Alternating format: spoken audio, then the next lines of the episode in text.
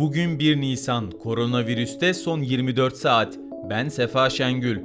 Türkiye'de son güncellemeye göre bir günde 240.012 Covid-19 testi yapıldı. 39.302 kişinin testi pozitif çıktı. 152 kişi hayatını kaybetti. Yeni hasta sayısı 1401 oldu. Mevcut toplam ağır hasta sayısı 2082. Sağlık Bakanı Fahrettin Koca, video konferans yöntemiyle katılarak başkanlık ettiği Koronavirüs Bilim Kurulu toplantısının ardından yazılı açıklama yaptı. Covid-19'un İngiltere varyantının 81 ilde 180.448, Güney Afrika varyantının 11 ilde 169, Brezilya varyantının 2 ilde 4 ve Kaliforniya New York varyantının 1 ilde 2 örnekte tespit edildiğini belirten Koca, ortaya çıkan tablo İngiltere varyantının ülkemizdeki vakaların %75'ini oluşturduğunu, klasik tip koronavirüsün yerini aldığını ortaya koymaktadır ifadelerini kullandı. Koca açıklamasında şunları kaydetti. Aşılamayı hızlandırmak için Sinovac, BioNTech gibi aşıların yanı sıra artık yeni tedarik kaynaklarımız var. Farklı üreticilerle görüşmelerimiz sonucunda yakında daha büyük alım potansiyeline sahip olacağız. 2 milyon 800 bin doz BioNTech aşısı elimizde. 10 gün içinde bu sayı 4,5 milyon doza ulaşacak. Türkiye yakın bir zamanda aşı ihtiyacını kendi üretimiyle karşılayacak. İntranazal aşının gönüllüler üzerindeki sonuçları beklediğimiz gibi olursa bu aşı dünyada örneği bulunmayan bir Covid aşısı olacaktır. Mevcut aşılardan hangisini tercih edeceği kişiye bağlıdır. Aşı sırası gelenler söz konusu hastanelerden randevu alırken aşı tercihini belirterek randevu almalıdır. Öte yandan salgın tedbirlerine uymadıkları gerekçesiyle Gaziantep'te 237, Eskişehir'de 144, Samsun'da 16 ve Malatya'da 13 kişiye para cezası kesildi. Covid-19 tedbirleri kapsamında Adıyaman'da 85 evde, Çanakkale'de Çal, Değirmendüzü ve Yaykın köylerinde karantina uygulaması başlatıldı.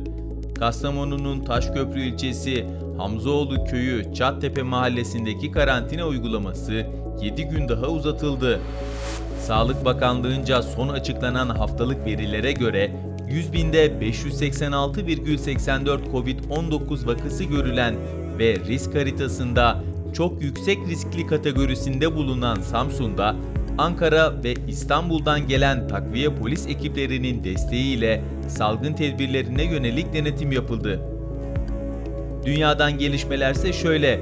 ABD'de eski başkan Trump'ın Covid-19 sürecinin ilk günlerinde salgınla mücadelede gerekli kritik tıbbi malzemeleri alması için uyarıldığına ilişkin resmi belgeler yayımlandı.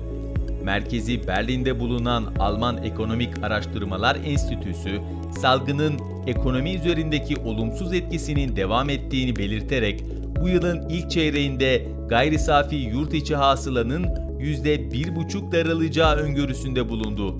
İngiltere'nin başkenti Londra'da Covid-19'dan ölenler için anma duvarı oluşturuldu. Avusturya'nın başkenti Viyana'da ise yarın başlayacak karantina süresince ilk defa Eskişehir'de yer alan bazı turistik dış mekanlarda maske kullanılması zorunlu kılındı. BioNTech aşısının 12-15 yaşındaki gençlerde enfeksiyonu önlemede tamamen etkili olduğu bildirildi. Rusya Federal Veterinerlik ve Bitki Sağlığı Gözetim Servisi Müdür Yardımcısı Konstantin Savenkov, hayvanlar için geliştirdikleri COVID-19 aşısının tescillendiğini belirtti. Avrupa Birliği üreticilerin yılın ilk çeyreğinde toplam 107 milyon doz COVID-19 aşısı teslim ettiklerini duyurdu.